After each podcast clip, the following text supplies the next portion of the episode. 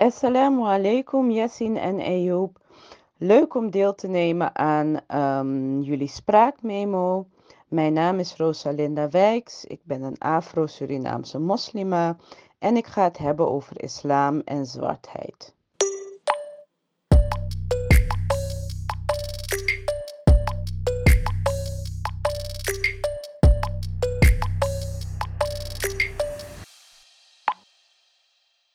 Welkom bij de Spraakmemo, de podcast waarin we een gast beter leren kennen. Vandaag hebben we aan tafel Rosalinda. Welkom Rosalinda, leuk dat je er bent. Dankjewel. Zoals eh, jullie hebben gehoord in de intro gaan we het vandaag hebben over zwartheid in de islam. Maar allereerst, wie is Rosa en Mhm. eh, hoe kom je op dit onderwerp? Ja, nou, goede vraag. Ehm, nou, ik ben geboren... ehm, nou, mijn naam is Rosalinda Wijks. Ik ben geboren en getogen in de Bijlmer. Ik ben van Afro-Surinaamse komaf. En ik ben op mijn eh, zeventiende eh bekeerd eh, tot de islam. Mm, ik heb een aantal jaren Arabisch gestudeerd aan de UvA. In Amsterdam en Cairo. En rechten aan de UvA en nu rechten aan de OU. En ehm, ja, ik, ik eh, ben publiciste en public speaker over eh, met name inderdaad islamitisch feminisme Ja. en islam en zwartheid.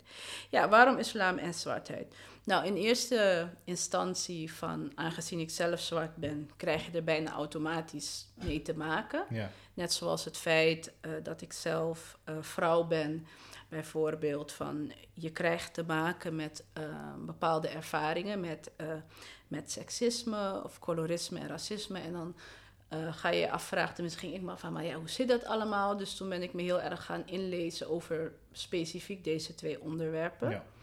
Dus zodoende eigenlijk. Ja, Ja, En ja. eh, ook even voor de luisteraars, eh, hoe ben je, want je, je bent geboren moslim. nee, nee, ik ben bekeerd. Hoe is het proces gegaan? Hoe is het proces gegaan? Nou, dan moet ik even terug, een beetje terug naar mijn jeugd. Ja. Eh, mijn zusje en ik, eh, wij zijn eh, christelijk opgevoed. Mhm. We hebben een christelijke moeder, toen nog atheïstische vader, maar hij begint nu toch meer op te schuiven richting agnost. dus wij zijn christelijk opgevoed en ehm, ik was er altijd wel zeker van, van hé, hey, van ik weet, ik geloof in God, ik weet dat er een God is. Maar ehm, er waren met name bepaalde eh, leerstellingen, bepaalde theologische leerstellingen van eh, het christendom waar ik aan begon te twijfelen. Dus toen ben ik me heel erg weer gaan, gaan, gaan eh, inlezen. Ja. Ehm, dus ik heb, ik, ik heb de Bijbel, moet ik zeker twee keer hebben gelezen. Ik begon te lezen over het eh, Jodendom en het Hindoeïsme, allerlei verschillende stromingen eigenlijk. Ja. En eh, toen kwam ik uit bij de islam en toen had ik voor het eerst iets van: hé, hey, dit past wel bij mij, dit spreekt mij wel aan. Dus toen ben ik daar heel veel over eh, gaan lezen. Ja.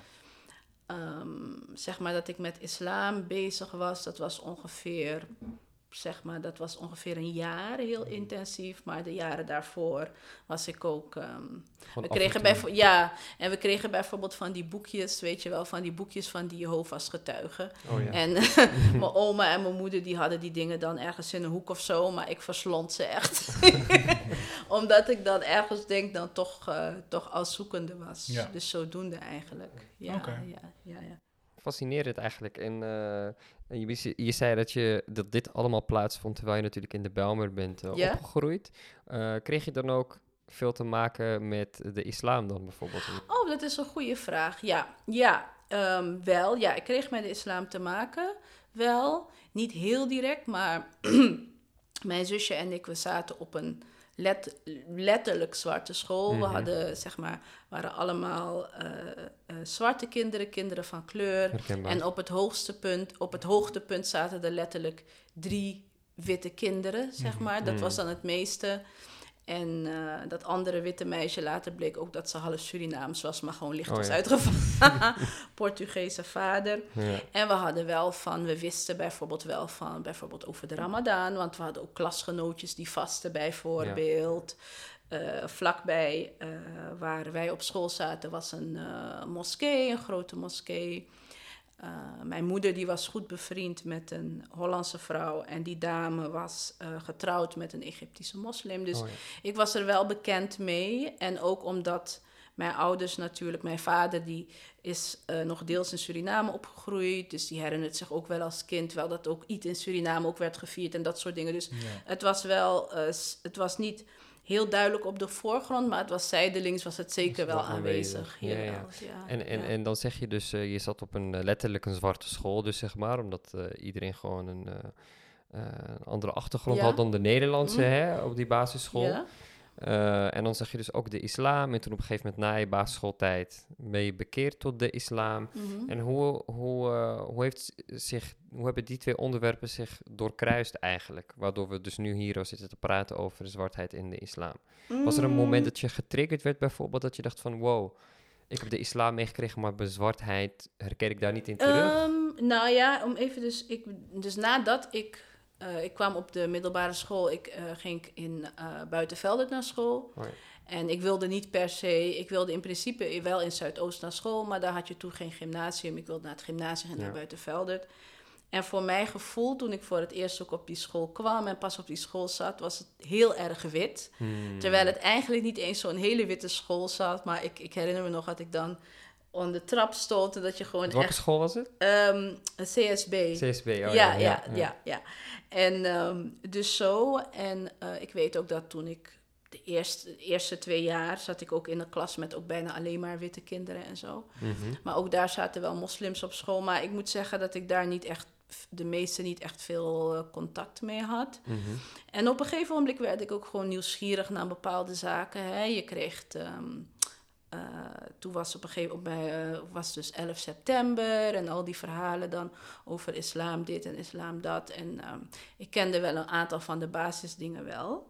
Maar goed, ik ben dus, ehm, ja, dus nieuwsgierig als ik ben, dacht ik van hé, hey, ik, ik, ik moet hier iets mee. Of tenminste, ik hoor er zoveel van. Ik wil me eens wat gaan inlezen of zo. Dus dan ging ik inderdaad ook eh, boeken lenen bij de bibliotheek en zo. En op internet. Dat, eh, ja, internetfora waren toen nog een ding. Dus Ja, ja, ja. toen kwam ik op een gegeven ogenblik op uh, Marok.nl terecht. Dat Oh, was ja. toen nog heel hot en zo. Dat was echt een site van vroeger. Ja, ja, ja, precies. En daar maakte ik dan ook weer, eh, zeg maar, weer kennissen en ook wel vrienden en zo. En eh, een tijd zat ik dus ook heel intensief, ehm, zeg maar, in de, om het zo te zeggen, in de Marokkaanse scene. En ehm, het was heel leuk. Ik kwam heel veel leuke dingen tegen, maar ook minder leuke dingen. En dan denk je van, ging ik dan denken, met name eh, rond dingen als ehm, moskeebezoek en zo, maar ook bepaalde discussies online. En ehm, toen was het net ook een beetje die hele erge, eh, ja, fundamentalistisch, salafistische op, op, op eh Saoedi-Arabië Ja, ja. geënte Mhm. islam. Dat begon toen net te komen.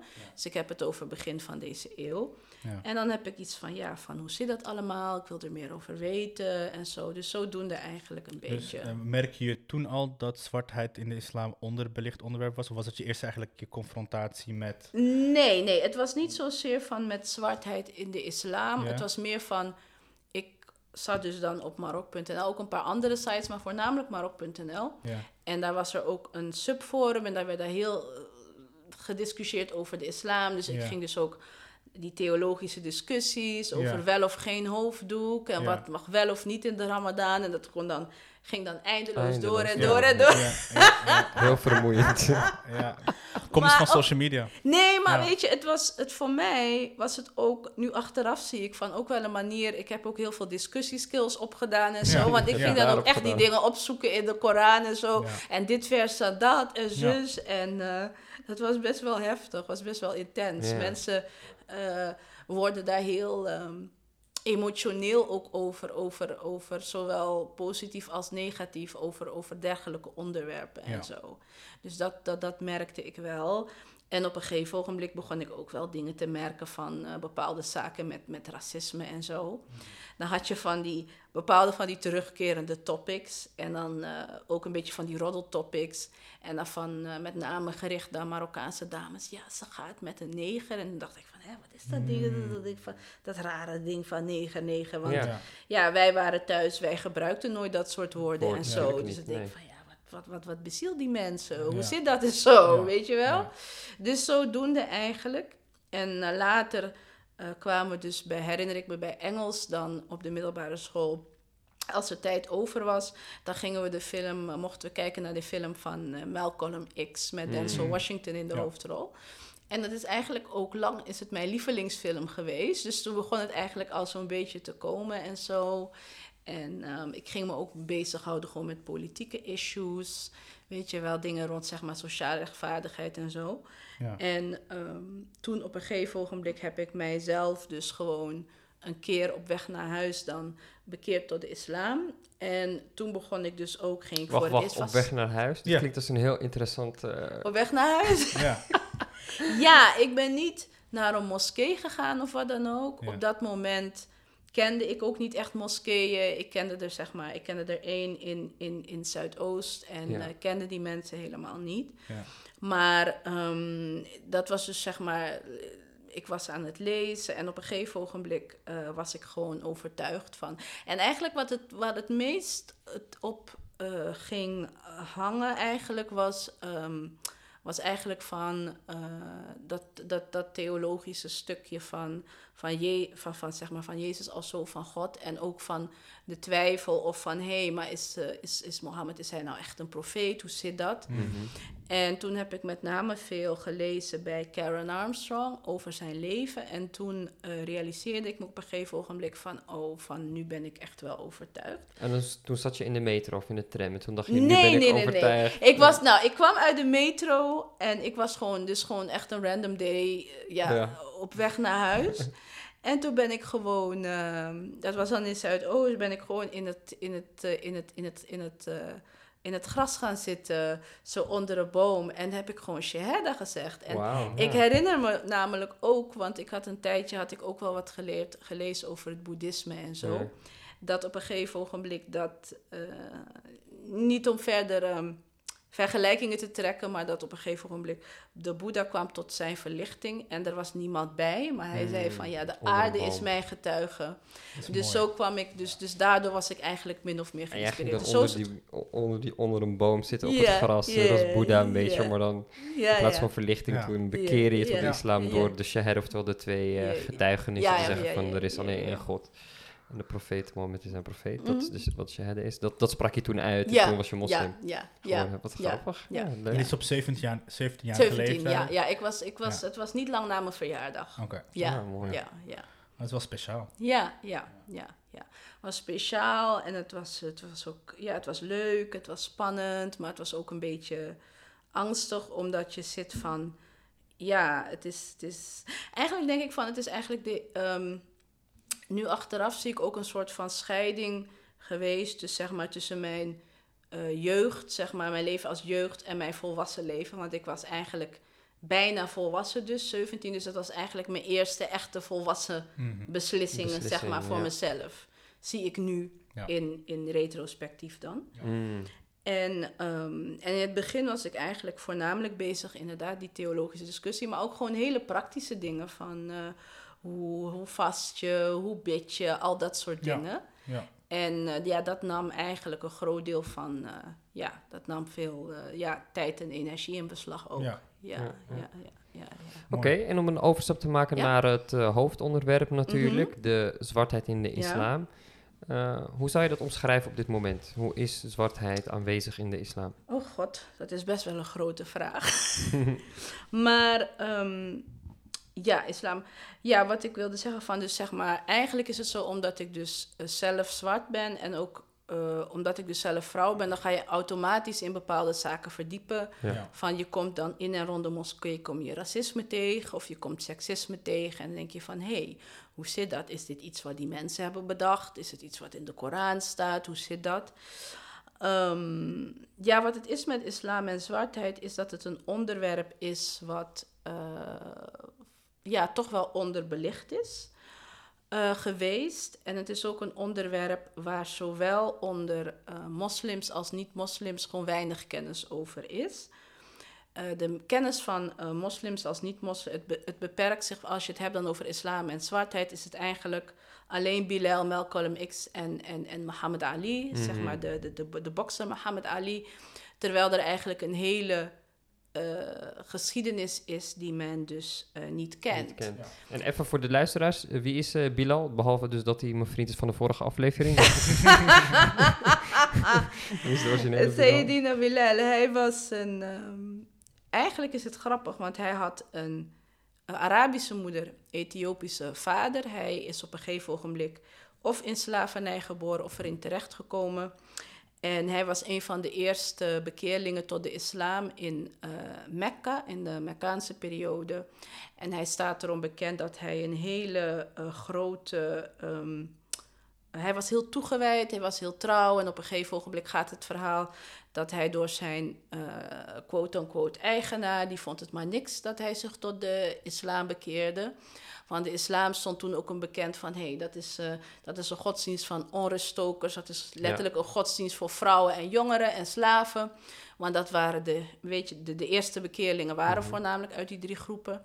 En toen werd hij, een soort, werd hij van ge- gemarteld, maar hij heeft dus toch aan de islam vastgehouden. Toen op een gegeven ogenblik is, geloof ik, de profeet, vrede zij met hem, heeft hem dan overgekocht van zijn eigenaar en bevrijd. En hij was ook de eerste oproeper eh, tot, het, eh, tot het gebed. En daarom is hij, wordt hij nog steeds wordt hij, eh, Emir el Mu'adinin genoemd, dus de, de, de aanvoerder van de gebedsoproepers. Ja, ja. Maar het is interessant is zelfs van hoe we zijn verhaal vertellen, heeft ook weer bepaalde eh, aspecten. Bijvoorbeeld, eh, de meeste mensen kennen natuurlijk verhalen dat hij slaaf is geweest en al dat soort verhalen. Mhm. Maar wat minder bekend is, is bijvoorbeeld dat hij later gouverneur van Syrië is geweest. Oh, dat dus dat is een deel van, en dat is ook iets waar ik pas ook een paar jaar geleden achter kwam. Mhm. Via een, vroegere vriendin, ook een zwarte bekeerling, die me dit vertelde. Ik wist het niet eens. Terwijl ik toen ook al jaren moslim was en me al jaren ook bezig hield met het ja. onderwerp. Dus dat is ook, ehm, dus dat vind ik dan problematisch. Dat Bilal wordt vaak ook aangehaald van, oké, hij is de zwarte metgezel van de profeet. Terwijl eh, het zo is dat hij dus vele zwarte metgezellen en familieleden had. En hoe komt het, dan kan je de vraag stellen van, hoe komt het dat wij dat niet weten? Hmm. Ja. Weet je wel, over het algemeen dan. Ja. En eh, ja, dus zodoende. En wat ik ook vaak merk is van dat vaak worden toch nog steeds van zwart en moslim, dat wordt toch vaak gezien als twee elkaar uitsluitende categorieën. Eh, het wordt ook vaak worden zwarte moslims waardoor eh, eh, ook uitgewist. En ik denk dat dat wordt ook, het werkt ook racisme ook in, In de in, hand. in de hand. Toch wel van. eh, Het is wel fascinerend hoor, het, eh, on- het punt dat je nu hier aanhaalt. Want eh, ik ben ook natuurlijk eh, moslim en islamitisch opgevoed. Mhm. eh, dus niet bekeerd of iets. En eh, dat verhaal van Bilal, dat kende ik ook. eh, althans, het verhaal. Hij was slaaf. En toen werd hij op een gegeven moment de eerste... Hij was zwart en hij was de eerste eh, oproeper tot het gebed, zeg Ja. maar. Eh, en daar eindigt het. Nog nooit had ik gehoord Ja. dat hij gouverneur was van Syrië. En ik denk dat dit wel een heel mooi eh, eh, voorbeeld is van hoe verhalen die we vertellen binnen die Ja. islamitische traditie en die islamitische opvoeding heel gekleurd zijn eh, ehm, op een bepaalde manier. Dat ze sommige groepen binnen, eh, binnen die traditie gewoon vergeten of hun rol kleiner maken. mhm. Zoals bijvoorbeeld de zwarte eh, moslims uit de tijd van de profeet. Ja. Dus dat is wel echt fascinerend. Mhm. eh, om Of de dat bedevaart, wat ook Ja. onder de belicht wordt naar Ethiopië. Ja, Ja, de, eerste, inderdaad, de eerste hijra ging, dus, eh, dus, eh, ging dus inderdaad ook naar Ethiopië. Dus op een gegeven ogenblik is, eh, even in het kort, eh, Ja. voor, voor, voor sommige luisteraars die het misschien nog niet weten, Ja. is de profeet van Mekka naar Medina gevlucht, want het leven werd hem onmogelijk gemaakt in Mekka. Ja. Ja, precies. En daar gaat ook de bedevaart naartoe. Nou, naar Mekka, officieel alleen naar Mekka, maar bijna iedereen die bezoekt Medina ook. Maar voordat dat dus allemaal is gebeurd, zijn ook een deel van de volgelingen van de profeet naar Ethiopië gevlucht. Je moet eraan denken dat Ethiopië ligt in de hoorn van Afrika, ligt niet zo ver van het Arabisch Ja. Schiereiland.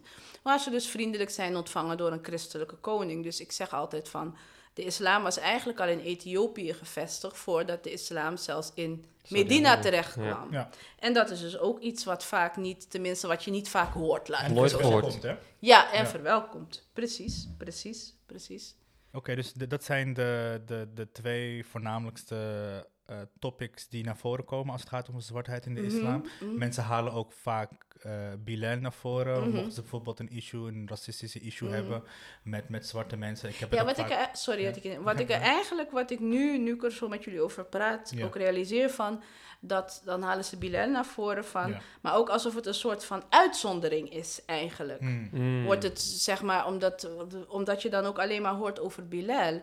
Terwijl er ook eh, geschriften zijn. Ik heb twee boeken thuis. En dat was van een Afro-Amerikaanse geleerde. Waar dus uit blijkt dat als je teruggaat naar die oude Arabische teksten. Dat dus ook een aantal van de familieleden van de profeet zwart waren. Dat hij meerdere zwarte metgezellen had. Dus dat het geen uitzondering was. Dat wou ik alleen zeggen. Sorry. Nee, geen probleem. Ja. Maar, eh, maar hoe komt het dat die informatie niet. Dat, dat, dat, men, dat, we- dat men onwetend hierover is? Dat, dat het niet. Oh ja, dat is een goede vraag. Kijk, veel, kijk, niet al die teksten zijn natuurlijk zo toegankelijk. Want Ja. Het is allemaal in het klassiek Arabisch. Ja. Maar dan nog kun je die vraag stellen, want op een gegeven ogenblik is het dan van, ja, wat wordt er vertaald? Waarom worden bepaalde zaken andere vertaal, eh, vertaald en Ja. waarom andere niet? Weet je wel? Dus dat is ook nog iets waar je over zou kunnen nadenken. Ja. En, en in jouw persoonlijke reis naar de islam, eh, Mhm. want je zegt dat eh, seksisme eh, en racisme voornamelijk eigenlijk de drijfveren waren dat je onderzoek ging doen Mhm. naar, naar zwartheid in de ja, islam. klopt. Ehm, wa- wa- wat, hoe, je, je hebt natuurlijk heel veel onderzoek gedaan, je hebt heel veel gelezen. En, eh, maar wa- wat is, het, wat is het in de islam dat jou aanspreekt? Oh god. Of Ja. is dat misschien ook een grote vraag? Ja, maar, maar Ja, ik wil die vraag graag het- beantwoorden ja, misschien hoor. kun je het een beetje opdelen. Ja, ja, ja, ja. Ehm, ik denk dat wat me het meest in de islam ehm, eh, eh, aantrok, is van dat je eigenlijk een, een, een, een, een directe eh, band met God hebt. Dus eigenlijk zonder, eigenlijk zonder bemiddelaars ertussen. Mhm. Alhoewel daar ook, maar goed.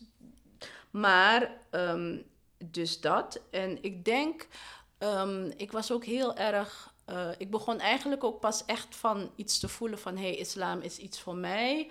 Ook door de studie die ik heb dus gemaakt van uh, soefisme, dus de mystieke kant van de islam. En dat, ik herinner me dat, dat dat spreekt me ook heel erg aan. Ja. Met name ehm, herinnerde ik me dat ik een, een, een, een boek las. En ik las over Rabia van Basra, Rabba al-Adawiya. En zij was een hele, eigenlijk een van de grootste mystici in de islam ooit. Ze woonde in Basra en ehm, zij had eigenlijk een soort van, ehm, ja, hoe zeg je dat? Zij was eigenlijk, eh, God was haar hele leven, weet je. Ze was verliefd op God en eh, ze heeft ook heel veel wijsheden uitgesproken. En ik herinner me dan één gebed van haar, dat ze dan zegt van... God, als ik u lief heb uit angst voor de hel, verbrand me dan in de hel. Als ik eh, u ehm, lief heb in de hoop op het paradijs, verban me dan uit het paradijs. Maar als ik u lief heb om uzelf, onthoud me niet uw onvergankelijke schoonheid. Of in het kort, of in het kort zei ze, zegt ze dan, zei ze wel eens van, in het Arabisch dan zal ik vertalen. El jar, thumma et dar. Dus eerst de buurman, dan het huis. Dus eh, als je naar het paradijs wil, moet je dat paradijs omdat je God wil zien en niet vanwege het huis, dus het paradijs zelf. En dat, dat sprak jou echt Dat enorm sprak aan. me aan, dat sprak me Oh, heel erg aan. Ja. Oh, heel ja, mooi. Ja, Nee, ja. goed. Nou goed, dankjewel. Ja. Dit was een hele mooie eerste helft. We gaan even naar een break, even een watertje drinken en dan komen we terug.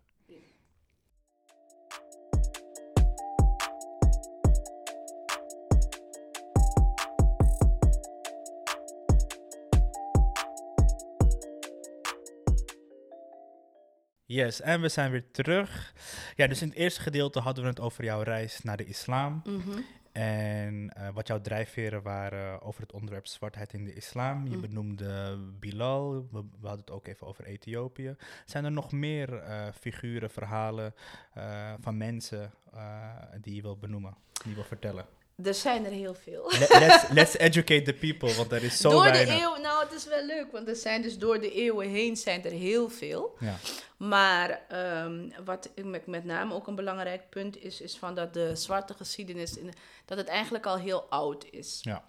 Het is namelijk zo dat, eh, dat kun je lezen in de Bijbel, dat staat ook in de Koran, dat op een gegeven ogenblik de profeet eh, Abraham had dus eh, twee vrouwen.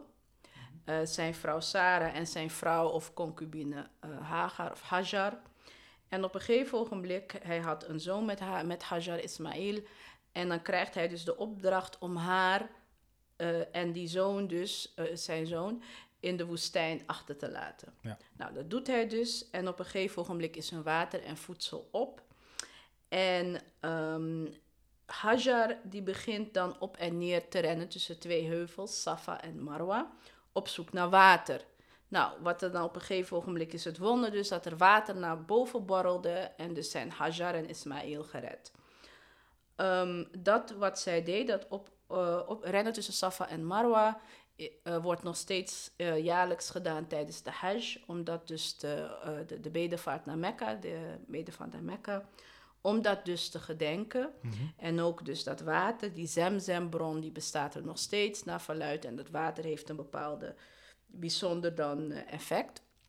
Maar ehm, men denkt dus ook vanuit bepaalde bronnen dat Oemena Hajar waarschijnlijk zwart was. Dus of van Ethiopische komaf of van Zuid-Egyptische komaf, dus van Nubische komaf. Ah. Dus, het, dus, dus die...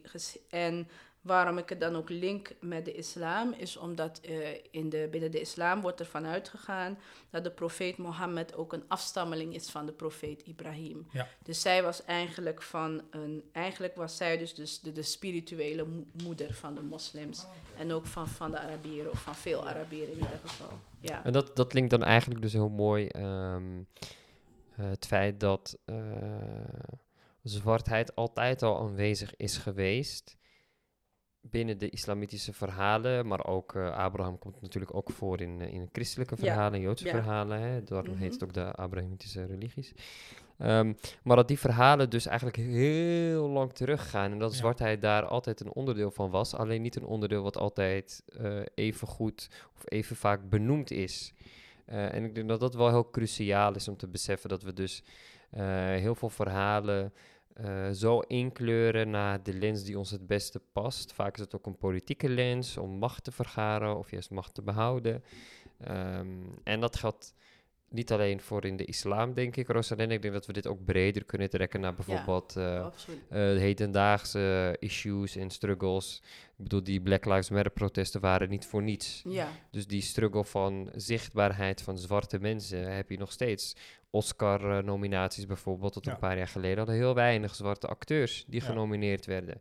Waarom? Omdat de verhalen van zwarte mensen minder, werden, minder over het voetlicht werden gebracht en daardoor de mensen die dat vertolken, acteurs, ook niet. Ja. Dus die struggle is, denk ik, eh, heel. Ik denk dat dit, e- dat dit echt exemplarische voorbeelden zijn voor binnen de islamitische gemeenschap. Maar we kunnen precies eigenlijk die namen ook vervangen door eh, voorbeelden van onze tijd. ja. Ja. Ja, ik weet nog dat ik, dat ik dan destijds onwijs de pest eh, in had dat de Oscar van beste film ging naar, naar La La Land Ja, en niet naar Moonlight. Moonlight. En ja, eigenlijk met alle respect. was. Ja, ja, ja. Met alle respect verder Ja. voor die was natuurlijk Moonlight een betere film. Tien keer beter. Dat is mijn favoriete film overigens. Dat is ook ja, ik ben heel, ja, ik ben ook heel gek op die film. Ja, Ja. Ja, check it out.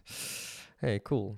Ja, dus maar ik ben ook natuurlijk benieuwd naar het heden. Eh, wat is de impact van zwartheid tot de, tot de hedendaagse islam? Ja, Waar zien we zwartheid en wa- wat zijn de roots? Of, eh, nou, Vertel er meer over. Ik heb nog een heel blikje of een hele dingen met eh, belangrijke zwarte moslims Ja, uit het verleden, maar ook, uit het, maar ook die ook nu nog door eh, ja.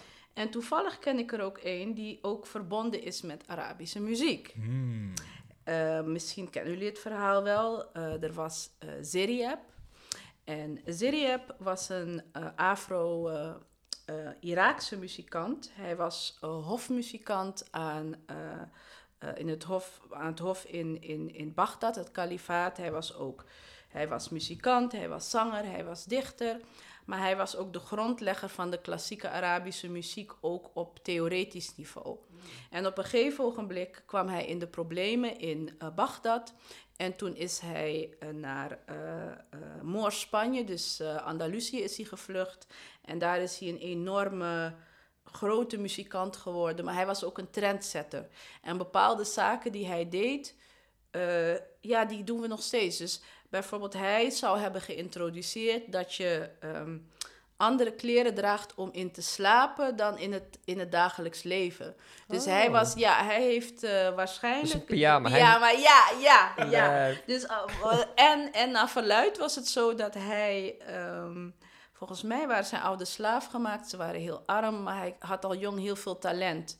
En naar verluid, hij zei altijd dat zijn inspiratie voor zijn muziek... dat dat door een djinn werd ingefluisterd, door een geest. Maar goed, dat, dat is misschien niet zo historisch. Maar hij gaat dus nu nog... eh, hij heeft dus de, ja, de basis gelegd van de klassieke Arabische muziek... zoals we die nu kennen eigenlijk. Fascinerend. En hij werd Zirieb genoemd, want Zirieb eh, schijnt, is, is een Persisch woord en dat bete- betekent nachtegaal. Dus omdat hij zo donker was, maar ook omdat hij zo'n mooie stem had. Dus die heeft dus nu nog, dus als je nu naar klassieke Arabische muziek luistert, kun je aan Zirieb denken. Kunnen we zijn Ah. invloeden nog terugzien? Wat Ja. mooi. Wauw. Ja, ja, Wat ja, vet. ja, ja. En, en zijn er eh, eh, andere ehm, invloeden van, eh, vanuit zwarte mensen, de zwarte gemeenschap, die we terug kunnen vinden in, eh, in, in, in, eh, in de tegenwoordige muziek, cultuur, Ja. islamitische cultuur? Mm, even kijken. Ehm, nou, een, ja, een bekende is ook uh, Dhu el-Noon el-Misri. Hij was een Soefi-wijze en ehm, heeft een hele belangrijke rol gespeeld. En hij was van eh, Nubische komaf. En er zijn ook veel verhalen over eh, hem bekend. Ehm, nou, eentje die ik zeker niet wil vergeten is een dame. Zij heette Nana Esma'u. Zij leefde in de ehm, eind 18e, begin 19e eeuw. Ze was Korangeleerde, ze was lerares, ze was dichteres, ze was genezeres. Eh, ze sprak Arabisch, ze sprak Hausa, ze sprak Fulani, ze Hmm. sprak eh Temeshek, dus een eh Amazigh, quote-unquote, de taal van de Tuareg eigenlijk, Ja, ja. sprak zij. Ze kende ook Latijn en zij heeft heel veel geschriften nagelaten, maar ze heeft ook een heel educatiesysteem opgezet specifiek voor vrouwen om ze te leren over de islam. En dat hele systeem bestaat dus vandaag de dag nog in, in Nigeria, in Noord-Nigeria. Wauw. En ehm, dus die heeft ook heel erg duidelijk dus, dus, dus eigenlijk haar, ook haar stempel gedrukt op die, eh, op die periode. daar. Ja, op Ja. de gemeenschap daar. Ja, ja, en ook haar eigen gezegdes of uitspraken, die worden dus nog steeds, eh, ja, zijn daar nog steeds onderdeel van het dagelijks leven eigenlijk. Ja. Wat, wat, wat gaaf, wat vet. Dat, dat er nog steeds eh, invloeden zijn van vroeger die we direct Ja. vandaag de dag terug kunnen zien. Ja. Eh, en eh, voor mij is het wel echt een eye-opener eh, om te zien hoeveel invloed eh, zwarte cultuur en zwarte mensen eigenlijk hebben gehad Ja. op eh, de islamitische tradities die ik zo van nature thu- thuis heb meegekregen, zeg maar. Over thuis gesproken, Gnawa muziek in Marokko. Bijvoorbeeld, bijvoorbeeld, dat is een ja. hele, ja, dat is echt een, beroem, echt een beroemd eh, voorbeeld eh, natuurlijk. Misschien even uitleggen voor de luisteraars, wat is Gnawa muziek? Nou, vertel maar Rosalinda. Ja, Oh. Je weet, Gnawa muziek Ja. in Marokko is een eh, muziek van eigenlijk ehm, zwarte Marokkanen, met name in Zuid-Marokko, maar ook in andere delen van Marokko. ook in andere delen van Marokko. En dat zijn mensen die eh, zijn oorspronkelijk vanuit West-Afrika, met name Mali, als slaven gebracht naar Marokko. Ja. En die hebben een heel eigen cultuur en eh, muziek eigenlijk gecreëerd daar. En eh, die muziek is eh trance muziek, die bedoeld is om dus te communiceren met dus jinns, met geesten en de spirit world. En eh, daar worden eh, hele rituelen georganiseerd. Dat heet dan Lila, of Lela, een, een nacht. Een nacht. En die worden dan s'nachts uh, georganiseerd. En dat is dan een hele cultus daar. Maar ook zij, uh, hun herkomst, voor hun is bijvoorbeeld... Zij zeggen altijd dat een van de belangrijkste instrumenten in de, in, in de Gnawa... dat is een soort luid, gimbri. Ja, Karkabat en gimbri, zeggen ze van, is uitgevoerd vinden zij, is uitgevonden door Bilal. Mm. En het interessante is, wat ik er even toch bij wou zeggen. Normaal gesproken is het zo, vrouwen hebben wel een rol in, in, in die rituelen. Ja, ze doen uiteraard, koken ze. En, en, en lopen mee in processies en zo. Maar het was altijd voor de vrouwen verboden zelfs uh, taboe om de instrumenten aan te raken. Oh. Zij mochten niet die muziek spelen. Maar nu is er een nieuwe groep. En eh Benet Timbuktu heette ze. En zij zijn opgeleid door de va- vader van een van die meisjes. En die spelen nu openlijk, zowel in Marokko als op allerlei festivals wereldwijd, mogen spelen die muziek. Dus ik wou die even, Ja. had ik niet eh, van tevoren aan gedacht, maar Ja. ik dacht, die wil ik echt even Ik weet niet of je het wist. ehm men zegt dat eh Gnawa ook gemaakt werd voor doofstomme mensen. Voor Oh, mensen ja? die, die niet kunnen luisteren of niet kunnen spreken, of slechthorenden ook. Dat, dat, dat die muziek dan, omdat het zo'n transmuziek is. Mhm. dat het ook echt speciaal voor die mensen is gemaakt. Oh, oké. Ja. Ja. maar ook voor het- allerlei ziektes, hè? Ja. Het was echt een genezing, een, een middel voor genezing en heling. En wat ik ook, maar ik wou nog even toch iets zeggen over Nana Esmao. Mhm. Nana Esmao was namelijk heel eh, actief in een, een, een, een islamitische mystieke orde, de Soefi-orde, die heette de Qadiriya. De Qadiriya is genoemd naar Abdul Qadir al-Jilani, een hele beroemde, ook Soefi-geleerde uit Irak, uit Bagdad.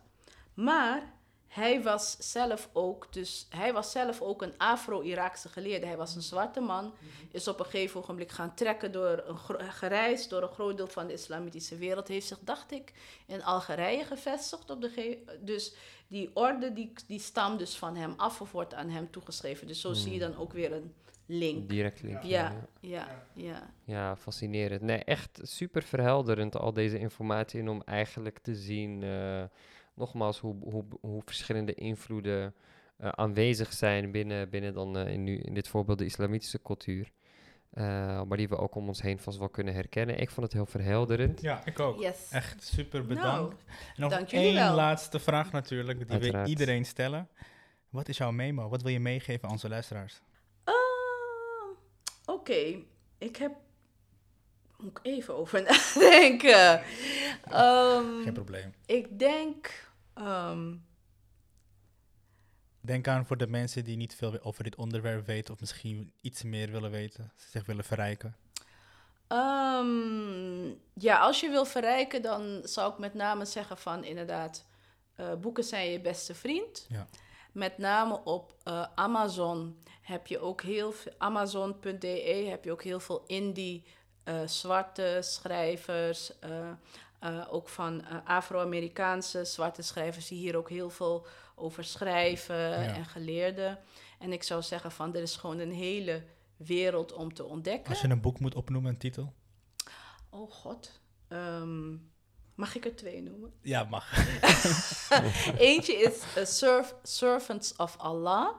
En dat gaat over eh, zwarte, eh, tot slaafgemaakte moslims in de Amerika's Mhm. tijdens de transatlantische slavernij. Het beste overzichtswerk tot nu is The Call of Bilal, want dat gaat Call over zwarte moslims wereldwijd. Oké, check it out mensen. Ja. En eh, dankjewel Rosalinda. Graag gedaan. Thanks, My Rosalinda. pleasure. En voor onze luisteraars, tot de volgende keer. Tot de volgende keer.